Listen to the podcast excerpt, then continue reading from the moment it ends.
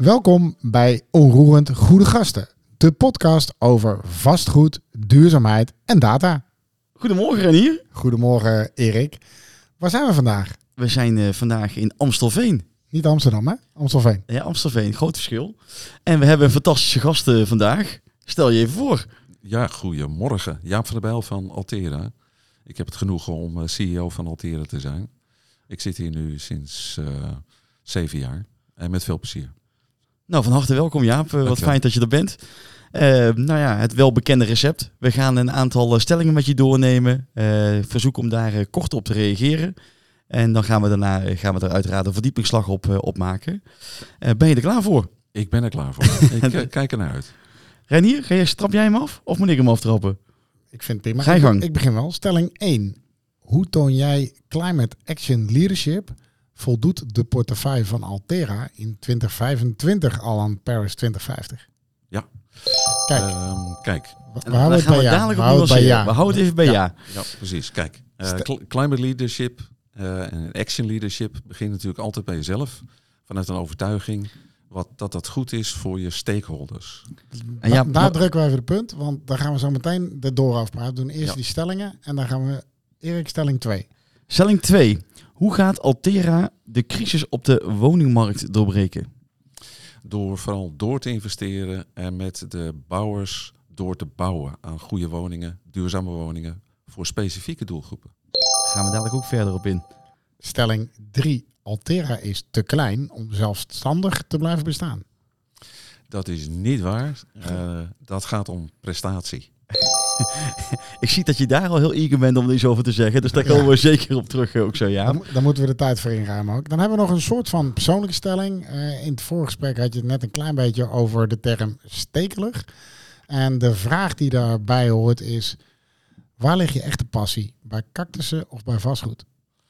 Ah, eh, ja, dat is een goede, goede eh, afweging. Zakelijk absoluut vastgoed.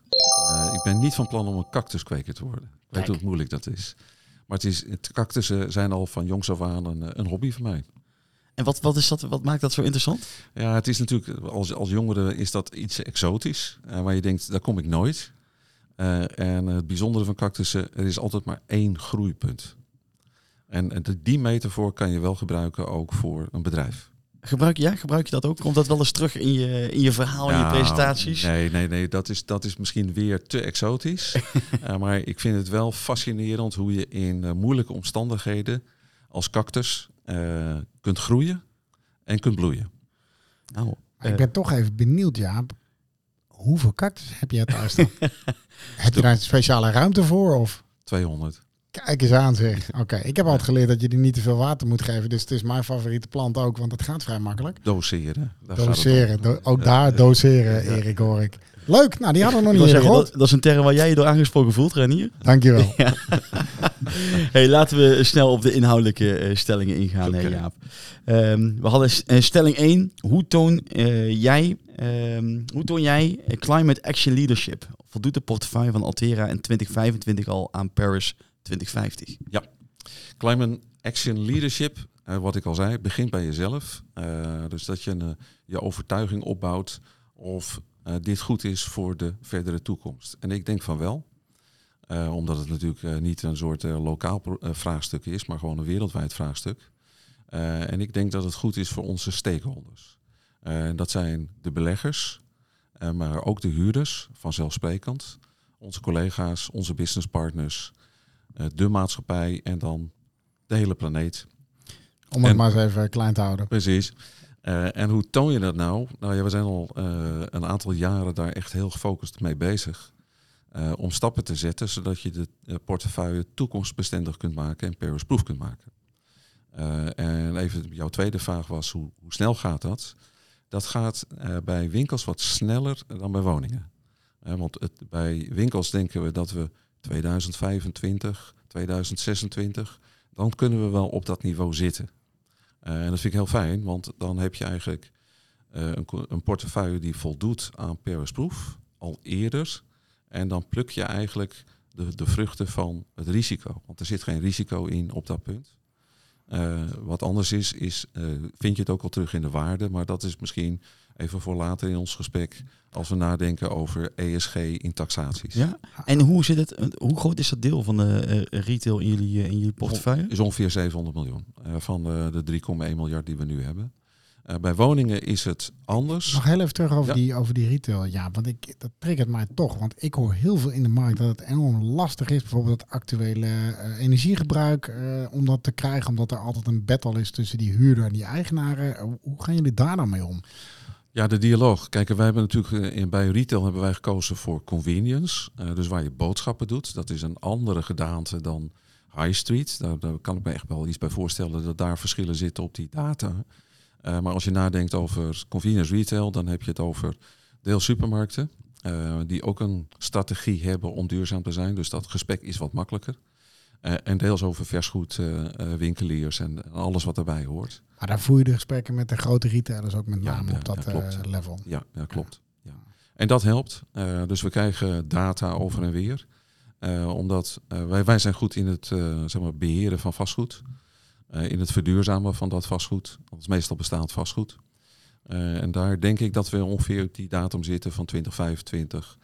Uh, natuurlijk zijn er in de praktijk altijd wel praktische problemen. De bekende flora-fauna-wet bijvoorbeeld, of participatie. Ehm, maar dat tekent nog weer, action leadership is niet versagen zoals het heet.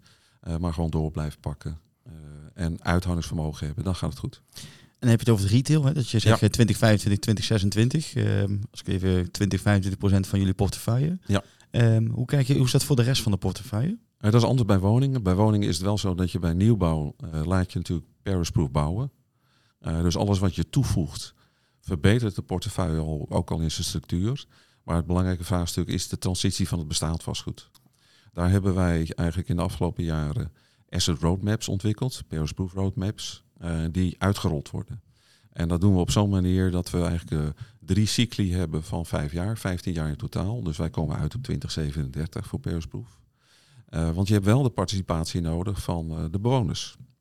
Je hebt wel de participatie nodig van de gemeente. En je moet wel capaciteit in de markt aanboren om die transitie op een goede manier en ook op een efficiënte manier te laten plaatsvinden. En wat voor participatie hebben we het dan over? Wat, wat heb je dan nodig? Want ik kan me voorstellen, iedereen wil verduurzamen.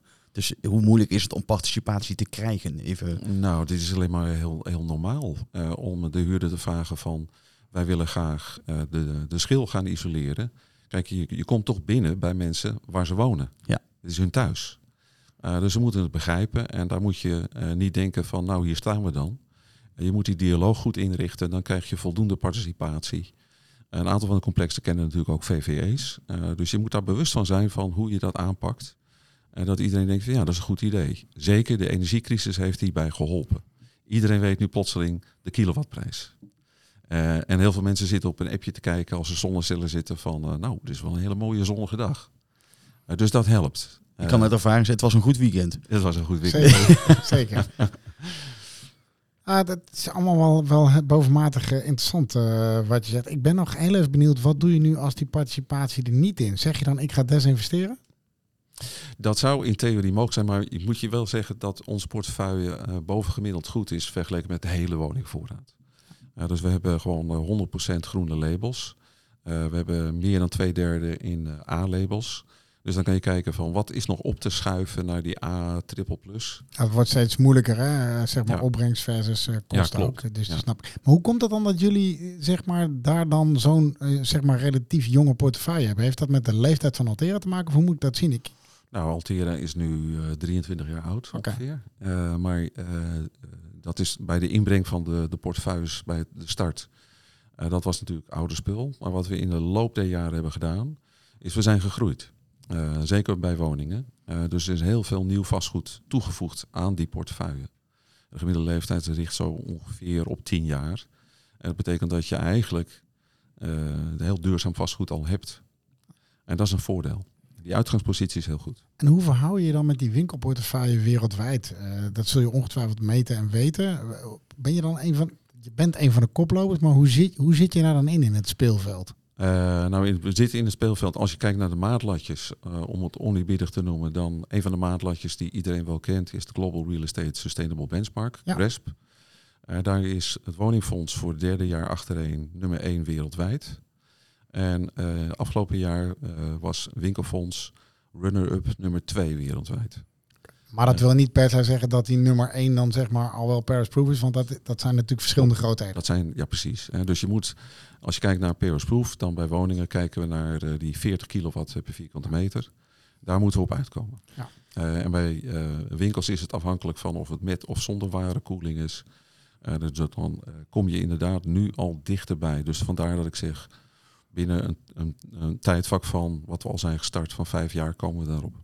Als je nu zegt, je hebt eh, eh, nou, een goede portefeuille om deze stappen te maken. Hoe kijk je dan naar de rest van de, van- de Nederlandse markt hierin? Hè? Jullie hebben, je zegt duidelijk, we hebben een goede portefeuille om dit te halen.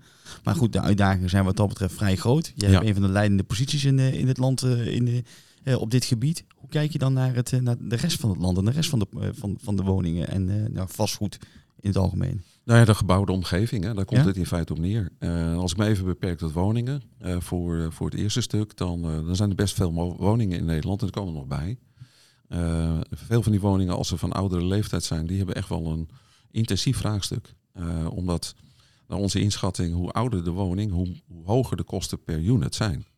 En dan moet je denken aan, is dan 70.000 per woning, is dat dan genoeg om een woning per spoeg te krijgen? Of is het zelfs nog meer? Bij een aantal eh, woningen in de woningvoorraad zal dat het geval zijn. Dus al met al kijk je naar een eh, gigantisch bedrag. Eh, en dat komt dan nog bovenop die, zeg maar, het bedrag wat nodig is voor 900.000 woningen. Ja, precies. Dus even gemakshalve, als je het een beetje afrondt, zeg je 150 miljard voor de energietransitie. Is voor mij, wat mij betreft, geen, on- geen onwaarschijnlijk bedrag. En dat moet dan komen van de huidige eigenaren. Nou, meer dan de helft zijn koopwoningen. Ik denk dat eh, de eh, eigenaar-gebruiker, eh, die, die rekent gewoon uit. Die gaat wachten of niet, afhankelijk van leeftijd en, en, lifestyle. Ik- maar ik heb toch nog enig optimisme dat dat nog wel op zijn pootjes terechtkomt. Het zit met name in het zeg maar, huurdeel van de woningmarkt. Toch zo bij elkaar zo'n 3,3 miljoen woningen. Ehm, dat, de leverdeel daarvan zit bij de woningcorporaties. Dus die moeten gaan, gaan rekenen of ze dat geld heel goed voorhanden hebben, dat kunnen financieren. Naast de andere opgaven die ze hebben op onderhoud en op, eh, ook op nieuwbouw. Daar komen we denk ik zo nog wel even terug. Hè, bij Ja. de stelling. Ik heb toch nog een challenge voor je, Jaap. Daar Ja. zit ik al een paar minuten op te broeden. Oh ja.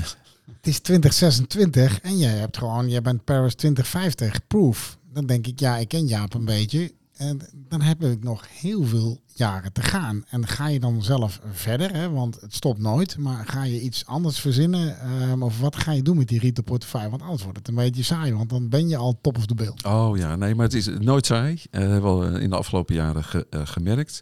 We durven ook niet te voorspellen van hoe de wereld er over tien jaar precies uitziet en wat voor vraagstukken of uitdagingen je dan krijgt. Eh, we denken dat we wel de goede strategische keuze hebben gemaakt eh, op, op dat punt. Dus nee, maar ik maak me daar geen, helemaal geen zorgen over. Eh, het laatste stukje, als je puur kijkt naar die duurzaamheid, er zal altijd iets van rest energieverbruik en rest GHG-uitstoot zijn. En dat heet dan heel mooi hard to abate. Exact. Eh, en daar werken we nu aan op de tekentafel. Hoe krijgen we dat weg? Nou, we komen graag nog een keer, eh, Ja. als jij Paris proof bent, eh, terug. En dan gaan we daar nog eens verder over filosoferen. Ja. Heel, heel goed. Lijkt me leuk. Ja. Ik denk dat we naar de tweede stelling gaan, Erik. En lijkt me helemaal goed. Eh, ja, ga je... eh, Hoe gaat Altera de crisis op de, en dan tussen haakjes woningen, hè, want de markt is groter, woningmarkt doorbreken? Hoe ga je dat doen? Ja, dan, Dat doe je al. Dat, ja, dat doen we al. Eh, dus wat wij heel belangrijk vinden is dat we eh, niet alleen, maar met, met elkaar, eh, dat kunnen branchegenoten zijn, maar ook corporaties en anderen, eh, wel blijven doorbouwen. Eh, want de vraag is enorm. En als je dat niet doet, dan krijg je natuurlijk afschalingsproblemen in de, in de bedrijfstak. Met name aan de, eh, de, de, de bouwnijverheid. En dan kom je een beetje in een situatie die we nog wellicht kennen vanuit de, de Global Financial Crisis. Eh, dan verdwijnen de bouwvakkers, dan heb je ondercapaciteit en het duurt weer heel lang voordat je weer op peil bent. Maar kan dat nog wel? Want zijn die, is die business case nog positief? Daar horen we van alles over. Je had het over in het voorgesprek over de Pravada zijn we allemaal geweest. We hebben Hugo Ja. de Jonge eh, gehoord. Eh, Is er nog een positief business case, Jaap? Maak Ja. ons blij. Ja, nou, er zijn, er zijn, ja, dat lukt. Eh, ik zeg niet dat het makkelijk is. Eh, want we hebben natuurlijk te maken met enerzijds grondprijzen, bouwkosten. En ander, anderzijds het plafond van de huurregulering. En daartussen moet je opereren. Rente speelt daar een belangrijke rol mee. Uh, dus we hebben aan de ene kant hebben we zoiets van: oké, we moeten met z'n allen in die keten wennen aan die hogere renteniveaus, want dat vertaalt zich naar de cost of finance. Uh, maar we zijn druk bezig voor, met nieuwe acquisities. En dat doen we heel bewust, omdat we denken: dan kunnen we goed, heel duurzaam vastgoed en betaalbaar vastgoed bij woningen neerzetten voor onze doelgroepen. Wij vinden namelijk uh, het huidige aanbod voor jongeren en voor ouderen vinden wij eigenlijk onvoldoende. Wat zijn dan jongeren en wat zijn ouderen om het even te specificeren? Ja, wellicht vallen we zelf ook al in een categorie. Ja, ja, we gaan het horen. Nee, je valt ertussen. Je valt ja, ertussen. Okay. Uh, zeg maar even van, van 20 tot 35 is jong. Ja. want het zijn mensen die starten. en 65 plus is, is ouder. Okay. Ouder zullen we dan maar zeggen. Ja, netjes. Ja, netjes. uh, die, uh, wat je ziet is dat voor die twee groepen, uh, die hebben eigenlijk nog minder kans op die woningmarkt. en het pleidooi is ook naar, naar de pensioenfondsen om daarop te letten, omdat de jongere groep gaat juist premie betalen. En de oudere groep gaat zo'n beetje vanaf 65 plus pensioen ontvangen. En daarmee is hun inkomen ook wel gefixeerd. dus je, wat je wil is dat voor beide groepen dat ze een plek vinden, zodat doorstroming op die woningmarkt op gang komt. Daar maken we ook iets minder zorgen over de gezinsfase. Uh, want dat zijn meestal twee inkomens, die, die kunnen nog een eind komen uh, op de huizenmarkt. Maar dat moet wel beginnen met ouderen naar andere woningen toe. Niet blijven zitten in die doorzonwoning. Dat is natuurlijk ontzettend lastig. Dat bedoel, is... Dit is het gesprek wat ik dan thuis met mijn ouders nog wel eens voer. Die ja. zeggen, ja, uh, dit is mijn huis ik ben hier een jaar gewoond, ik wil je sterven. Even heel uh, ja. kort op de bocht. Hoe krijg je dat nou voor elkaar? Nou, je, je hebt wel helemaal gelijk. Het is natuurlijk ook een emotionele beslissing. Uh, dus wat je vaker hoort uh, aan die kant is, ik woon hier fijn, ik ken hier iedereen en anders zet ik het bed wel in de woonkamer. Ja, en nog het feit dat ze jarenlang hebben gewerkt, die generatie, om het huis af te betalen. En moeten dan het verkopen en opeens weer huur gaan betalen. Ja. Dat is natuurlijk ook mentaal een hele lastige... Dat klopt, dat klopt. Uh, maar je, uh, meestal komt die beslissing ook wat aan de late kant, soms ook veel te laat. Uh, maar als je nuchter bent, ook als oudere, dan denk je nou, ik heb nu nog een aantal gezonde jaren, dan moet je het eigenlijk nu doen, anders wen je niet meer. en voor je weet ben je net te ver, dan kom je alleen te staan, of je wordt gebrekkig, een van de twee, en dan, dan is de nood aan de man. Dus als je echt verstandig bent, gewoon, en dat vertrouw ik die generatie ook toe, is dan denk je van, ik heb een huis, misschien heb je het gekocht, dan heb je geld wat je nu niet kan gebruiken, het zit tenslotte alleen maar in de waarde van het huis. Uh, kan ik een complex vinden, een woning vinden, uh, waar ik uh, met, met een, een, derde kamer voor, voor eventueel de opvang van de kleinkinderen, dat, al die motieven komen erbij, waar ik verzorgd tot mijn einde eh, kan wonen. Maar er zit natuurlijk heel erg dat S-component in, hè? dat ja. social. Omdat, ja. Hoe gaan jullie daarmee om? Nou, de S uh, is een sowieso uh, van ESG is iets wat meer gedefinieerd moet worden. Daar werken wij aan met een aantal externe partijen om dat goed te omlijnen. maar de S, een van de S-onderdelen is betaalbaarheid. Naast duurzaamheid, naast veiligheid, al die aspecten komen erbij. dus we bouwen nu ook een aantal complexen die heel geschikt zijn voor ouderen. En waarbij er ook uh, zeg maar, gemeenschappelijke ruimte zijn, uh, goede, goede parkeergelegenheid, veiligheid is aan boord, zorg zit nabij. Uh, er zijn best wel een aantal hele aantrekkelijke objecten. En in de praktijk, we zullen nooit iedereen kunnen bedienen. want we werken natuurlijk vanaf bepaalde inkomensgroepen. Maar in de praktijk, als die woningen opgeleverd worden, dan lopen ze vol. En dan hebben we op dat punt zeg maar even het spreekwoordelijke steentje bijgedragen. en goed voorbeeld doet goed volgen. Ik, ik, ik zit weer in mijn hoofd, uh, Jaap. Hè? Ja. En ik, ik zit nou te denken, we horen de afgelopen weken continu dat het heel ingewikkeld is, dat, het, dat er geen positief business case is. Ik hoor jou nou, volledig een helder verhaal neerzetten. Maar waar zit het dan in? Neem je dan genoegen met een lager rendement? Of hoe, hoe moet ik dat zien? Hoe krijg je die business case echt rond? Ja, je moet wel vroeger in de keten opereren. Maar dus... dat betekent dat je op grond zit, daar al? Of, uh, of net nee, iets verder? Dat mag niet, hè? Ja, precies. Nee, ik zit niet op grond. Nee. Uh, daar, daar zou je een aparte business case op kunnen bouwen. Uh, zeker op dit moment. Uh, maar we zitten in de forward funding. Yes. Uh, en eigenlijk heb je dan een soort, je zou zeggen, een soort co-makership met de ontwikkelaar en de bouwer. Van wat is het product wat wij nodig hebben in onze portefeuille om dat toe te voegen. en, en hoe rekenen we uit? Op het punt wat je zegt van de rendementen. Wij zijn een open-ended fund. Uh, dus we werken met dat de moet je misschien even uitleggen inderdaad, want dat weet niet iedereen. Oh, een open-ended fund is, uh, is altijd open. Uh, Klinkt dus, logisch. Ja, ja, zo is het. There's no end. dus je, je werkt met de marktrendementen. Ja. dus wat we doen is elk kwartaal bepalen we aan de hand van taxaties en de risicovrije voet en de risicoopslag. En dan zeggen we nou, dit is wat de markt biedt.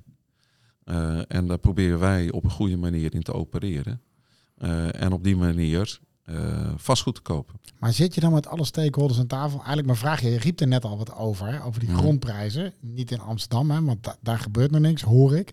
Maar in andere gemeentes wel, dat die ook zeggen, oké, maar dan, dan doen wij een, een haircut op de, op de grondprijs. Zie je dat? Helpt dat? Uh, dat zou zeker helpen. Je ziet het nog niet overal. Uh, dat, is, dat is ook heel duidelijk. Maar toch heb jij die positieve business case. Ja, uh, en we zijn nu bezig met een goede business case. Uh, dat, dat kan ik nog niet vertellen. Jammer. Dat is nou jammer. Ja, dat is jammer, ja. dat is ja. jammer. ja. Dat was een scoopie moment. Ja, dat, is, dat komt nog. Dus dan is het een soort Ik zie je stralen, dus het wordt een mooie deal. Het wordt een mooi ja. deal. Ja, wordt een mooi deal. Uh, en uh, dan zie je wel dat... Maar in de Randstad, dat mag je wel disclosen, toch? Zeker in de Randstad. Okay. Ja, ja, niet ver uh, gewoon hier vandaan. okay. Misschien kun je verwijzen. Ja, ja, is een beetje wijzen. Ja. Die kant op Die kant. Die kant op wijzen. Het is toch een podcast. Niemand ziet Zeker. Nee, dat dan ja, ja, Maar die krijg je wel rond. Okay. Uh, en, en, natuurlijk is dat dat je met elkaar optrekt gedurende het proces. Dat je het heel duidelijk formuleert onder welke voorwaarden je kunt doorstappen met elkaar. En anders zijn er afhaakmomenten. Ja. En dan is het mogelijk. We begonnen er net ook al even in het begin van het gesprek. Uh, ik hoorde je net uh, ook uh, daar in de, de taxatie een, een, een, rol spelen in dat geheel. Ja. Hoe speelt dat een rol? Want het is natuurlijk, ja, hè, we hebben het over de E, we hebben het over de S. Je zei, we hebben de business case, taxatie zijn ervoor nodig. Je, je opent het gesprek, daar komen we later nog wel even terug. Hoe kijk oh, je ja. daarnaar? Ja, ja, nou nee, van taxaties. Uh, uh, het is natuurlijk nu moeilijk voor taxateurs omdat er zo weinig transacties zijn. Uh, dat is wel een fenomeen wat eens in zoveel jaar de kop opsteekt. Waar, waar je als taxatiebranche toch eens een keer over moet nadenken hoe je dan uh, de, de, de, waarde gaat benaderen. Maar daarboven vind ik zelf uh, duurzaamheid in taxaties vind ik, een heel belangrijk onder, onderwerp. dus vanuit uh, INREF, uh, waar ik bij uh, betrokken ben, werken we in een focusgroep met RICS, de, ja? de taxateurs, koepel zou je Ja. kunnen zeggen voor een deel. hoe zou je nu als taxatiebranche stappen kunnen zetten om dat wel goed op te nemen in je taxatie? En ik weet dat Renier daar vanuit de banken mee bezig is, met de DUPA, de duurzaamheidsparagraaf.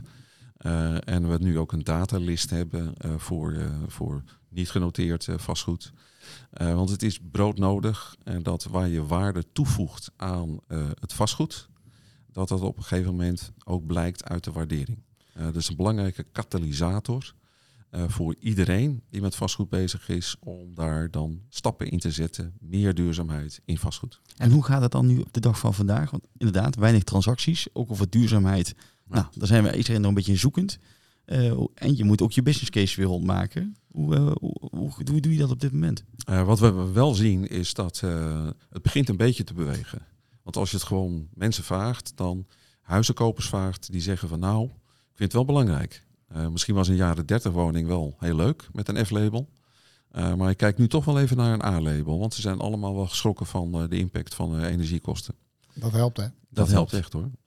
wat ook helpt is regelgeving. Uh, of een label C nog verhuurbaar is, nu of, of later. Uh, de Nederlandse Klimaatwet. En dat is onderdeel van het pleidooi dat je zegt van... ja, er is regelgeving op komst die gaat bepalen wat, wat goed en niet goed is. Uh, dus de markt moet daar naartoe gaan koersen. en daar zouden zeker de taxateurs bij helpen. Wat wij zelf doen is, wij hebben een, een, model waarin je de kwaliteit van vastgoed meet... op een aantal facetten. Uh, en we kennen een hogere kwaliteit toe aan zeer duurzaam vastgoed. Dan moet je echt denken aan A+, A plus en, en zo meer. En we zeggen, dat is dus meer waard.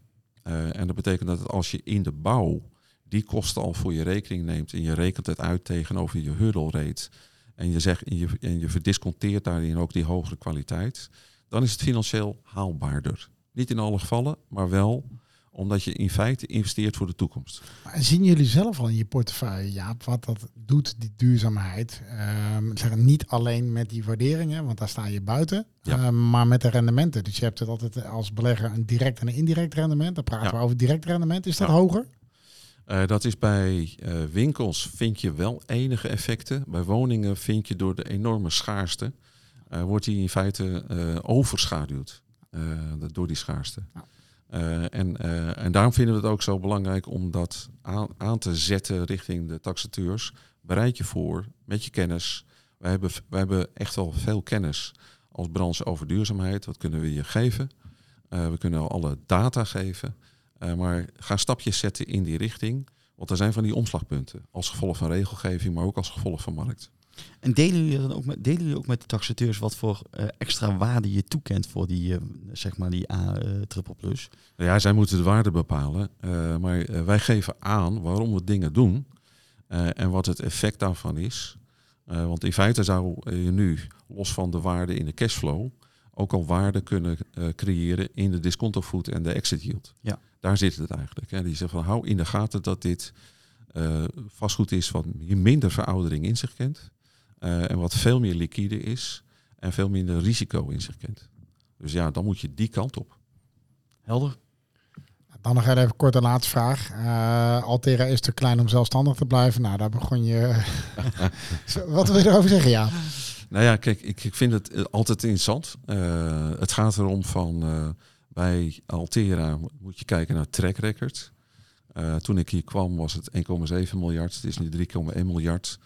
Wij gaan gestaag door naar 4 miljard. En dan heb je weer En in de tussentijd nog een fonds gedesinvesteerd, hè? Daarom, eh, zeker. Eh, en dus als je kijkt naar de track record van Altera, dan eh, ben ik bijvoorbeeld heel blij dat onze klanten, de beleggers, ons een 9 geven. Eh, en onze medewerkers ons een 8 geven. En dat we goed performen. Eh, niet alleen financieel, maar ook niet financieel. Dat is ook duurzaam, hè? Ja, eh, dus het gaat erom is van eh, wat, wat voor model hebben we nu? We hoeven niet alles zelf te doen. Eh, dus we hebben eigenlijk een soort netwerk-regiemodel. We schakelen graag partijen in die het beter kunnen dan wij. Want ja, waarom zou je het zelf doen? In dat geval. Dus make or buy, eh, dat zorgt voor flexibiliteit. Niet alleen in het reageren op wat er gebeurt, of wat er gaat gebeuren. Eh, maar ook als het weer even een dip zou hebben eh, in de markt, dat je zegt nou, die kosten he- hebben we niet aan boord genomen. Dus dan kan je weer makkelijker bijstellen. Eh, verder is de vraag, vind ik altijd bij schaal, wie maakt nou eens een keer echt aantoonbaar dat een hele grote schaal veel beter is? Er zijn genoeg voorbeelden in andere industrieën, maar ook wel binnen het vastgoed, is dat er iets logs, iets langzaams inkomt, iets suboptimaals als schalen heel groot zijn.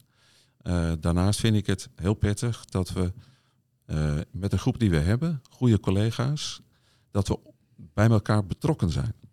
Hè, dat je de goede cultuur hebt en dat je die ook eh, goed kunt bewaren en bewaken met elkaar. En dat niemand weet wat, wat een ander niet doet. Dus je bent heel hecht. Je zal hier nooit horen van in, in, in de, in de, zeg maar de kantine, weet jij wat hij doet? Eh, en dat heb je bij soms grote organisaties, deels uit eigen ervaring, heb je dat wel. En dan krijg je lage en eh, ingewikkelde matrixen. Hier vinden we het heel fijn dat we eh, iedereen direct betrokken is. En dat zie je ook terug in die scoren bijvoorbeeld. En het wordt gewaardeerd, hè? Met steeds meer buitenlandse beleggers ook. Dus dat, Ja, eh, ja. dat betaalt zich terug. We gaan naar de, de aller, aller, allerlaatste vraag. Die mag jij doen, Erik. Ja, we sluiten hem altijd eh, af, eh, Jaap. Laten we zeggen in eerste instantie ontzettend bedankt eh, voor, het, eh, nou, voor je inspirerende verhaal. Eh, mooi om eh, te horen hoe jullie mee bezig zijn. Ook voor jou altijd de, de, de traditionele vraag. Wie zou je willen uitnodigen voor deze podcast? En wat zou je hem of haar willen vragen? Ja, het is best een, eh, een, eh, ik moet- daar heb ik even over moeten nadenken. Van, eh, er zijn zoveel goede mensen die je eigenlijk voor de microfoon wilt halen. Dus jullie, jullie toekomst is verzekerd als eh. Eh, omdat we het wel gehad, hebben gehad over de, de woningmarkt. Eh, wij geloven in samenwerken. Samenwerken met corporaties, dat doen we ook. Eh, bijvoorbeeld in het, in het Haagse, bij de Haagse tafel wonen. Eh, dus ik dacht even aan Martin van Rijn als voorzitter van EDIS. Eh, want die overkoepelt. Eh, en wat wij eh, graag zien, dat we in de toekomst, de komende jaren, zo niet decennia, die waterscheiding die er zit, dat dat niet een soort droge bedding is, is, maar dat je kunt zeggen, wat gaan wij nou doen met elkaar om woningen te bouwen in bepaalde wijken? Want er is veel vraag naar. Dus we gaan hem vragen. Eh, beste Martin, eh, het lijkt me heel leuk als je hier aan meedoet eh, aan deze podcast. Ehm, hoe zullen we nu in de komende jaren de samenwerking tussen corporaties en institutionele beleggers verder concreet vorm en inhoud geven? Wij zijn er klaar voor. We hebben geld aan boord, voldoende geld aan boord om nog elk jaar duizend woningen te bouwen. Dat is in ieder geval ons perspectief. Eh, en we zouden dat graag doen in samenwerking met corporaties. Mooi. Martin, we gaan, eh, We gaan het ervaren. we gaan de vragen. Ik hoop dat hij eh, ja zegt. Ja, daar gaan we gewoon vanuit ja. Ja, en anders zetten we gewoon jou in. Dus dat, komt, eh, dat komt helemaal Is goed, gaan we bellen. Zeker. Hey Jaap, nogmaals hartelijk dank. En nou Renier, Ja, jij ook dank. Ja, Zeker, jij ook bedankt Erik. En graag weer luisteren via de welbekende podcastkanalen. Dan kunnen jullie het interview met, of de podcast met Jaap nog uh, terugluisteren. Tot de volgende. Dankjewel. Ja, graag gedaan.